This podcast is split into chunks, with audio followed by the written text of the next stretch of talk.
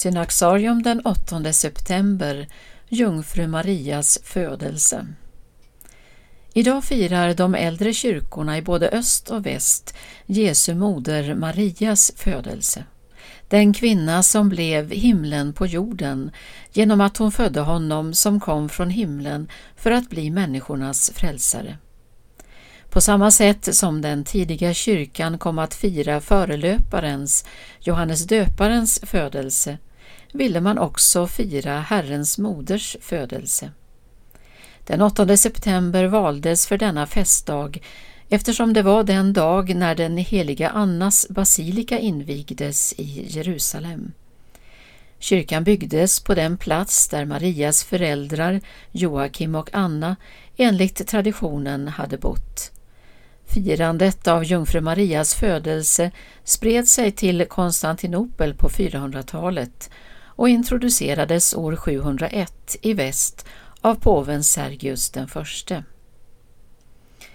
Jungfru Marias föräldrar, liksom hennes barndom, vet vi inget om genom Nya testamentet. Däremot är de omnämnda i andra tidiga kristna skrifter, bland annat det så kallade Jakobs protoevangelium. Det berättas att Anna, Marias mor, var barnlös och hur Joakim, hennes man, tillbringade 40 dagar i öknen för att söka Guds ansikte för deras skull. Medan han befann sig där kom en Guds ängel till honom och förkunnade att hans hustru skulle föda en dotter. Under tiden sörjde Anna sin barnlöshet, men även hon fick besök av en ängel som förkunnade Anna, Herren har hört din bön och du ska bli havande och föda en dotter som ska bli omtalad i hela världen. Och ängeln fortsatte Din man Joakim kommer nu från öknen, ty även han har haft besök av en ängel som stigit ned och förkunnat Joakim, Herren har hört din bön. Mötet mellan Anna och Joakim när de omfamnar varandra efter att på var sitt håll ha haft en uppenbarelse finns återgivet på en vacker ikon som vördar det heliga äktenskapet.